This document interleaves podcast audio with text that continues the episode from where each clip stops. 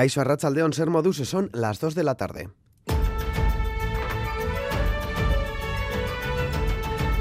Crónica de Euskadi con Lier Puente.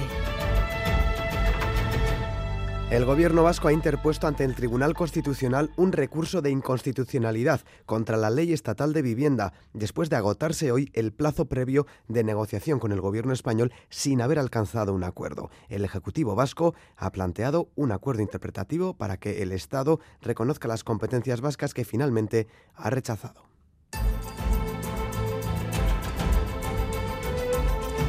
Noticia que llega el día previo a la reunión de la ponencia técnica de transferencias para intentar cerrar un acuerdo sobre políticas migratorias, después de que esta semana se haya alcanzado un acuerdo sobre los servicios ferroviarios de cercanías y la homologación de títulos extranjeros. La consejera de Cogobernanza Pública y Autogobierno, Lats Garamendi, no ha querido dar plazos, pero ha precisado en Euskadi Ratia que las negociaciones están avanzadas. La transferencia no incluye políticas y procedimientos de asilo, que seguirán en manos del Gobierno central, pero sí la gestión de la integración social de las personas que son acogidas en nuestro país.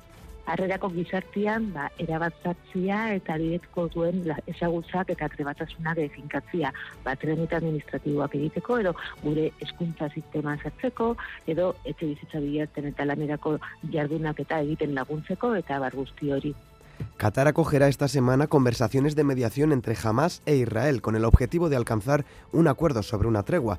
Mientras tanto, al menos 86 gazatíes han muerto y 131 han resultado heridos en ataques israelíes en las últimas 24 horas. Desde el 7 de octubre son ya 29.700 los muertos, cerca ya de los 30.000, pero hasta llegar un cese de actividad armada permanente. Cientos de ciudadanos se han manifestado esta mañana por las capitales vascas y en otros municipios como en Tudela para pedir el boicot a Israel, desinversiones y sanciones. Piden detener la complicidad exigir a los gobiernos francés y español que rompan cualquier tipo de relación económica, militar, cultural o de cualquier tipo con el Estado genocida de Israel, ya que ante la plausibilidad del genocidio reconocida por la Corte Internacional de Justicia, no han hecho ningún cambio de actitud.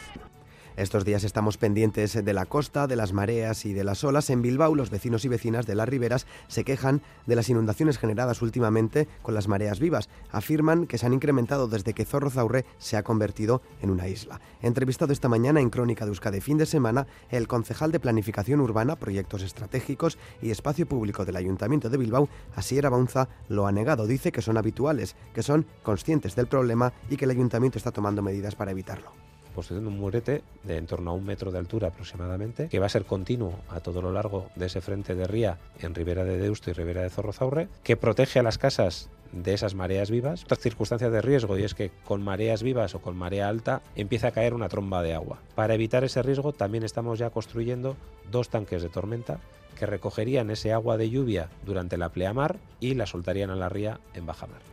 El Departamento de Seguridad ha activado para mañana lunes y martes la alerta naranja por riesgo de precipitaciones persistentes. En estos momentos nos encontramos en aviso amarillo por riesgo marítimo costero y viento. Susana Armentia, Arrachaldeón. Arrachaldeón, sí, por mar gruesa y fuertes rachas de viento que pueden llegar a superar los 100 kilómetros hora. De hecho, esta mañana en Machichaco se han registrado rachas de 108 kilómetros. El aviso por viento va a estar activo hasta las 9 de esta noche. Y de 5 a 6 de la tarde se activa también el aviso por fuerte oleaje en la costa, coincidiendo con la pleamar. Se recomienda no pasear en malecones ni por acantilados. Y cara mañana lunes, lo peor serán las lluvias. El Departamento de Seguridad activará la alerta naranja por riesgo de precipitaciones persistentes que podrían tener lugar desde el mediodía de mañana lunes hasta el mediodía del martes. Y es que se podrían llegar a acumular entre 40 y 80 litros por metro cuadrado en puntos del interior de Vizcaya y de Guipúzcoa.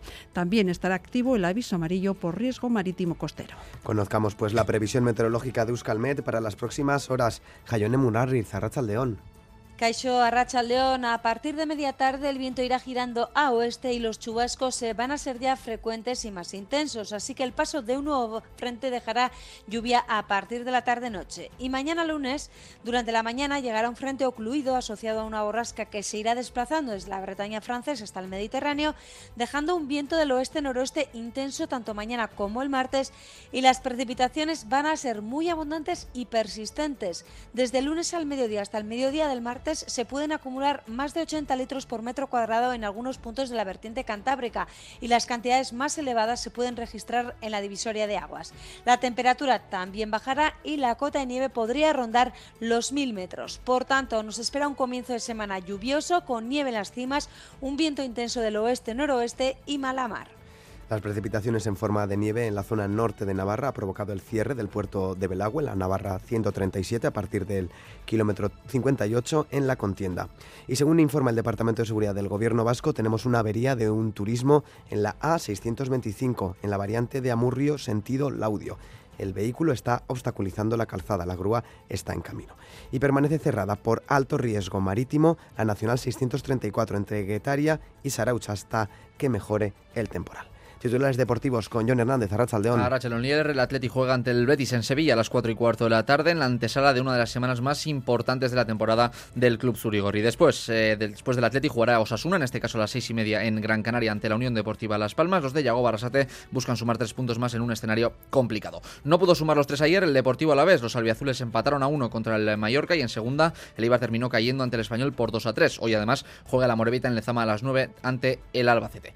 En pelota tarde decisiva la de hoy en el Vizcaya Bilbao se decide cuál va a ser el último binomio en acceder a las semifinales del eh, pareja, Sartola Imaz frente a Peña y Albisu. La pareja perdedora quedará eliminada. En remonte ayer fue Imanol Lanza quien se llevó la chapela del individual tras vencer por 30-19 a Xavier Aspiroz en Galarreta y en el Urrezco Vizcaico Urrezco Vinacaco Escolari Chapelqueta de este mediodía en Azpeitia. La victoria ha sido para la pareja formada por Iker Vicente y Arcaiz Echeveste. En el levantamiento de piedra femenino ha ganado Carmela Guisasola y en el de parejas masculino han vencido Imanol Rollo y Miquel Lopetegui Urra.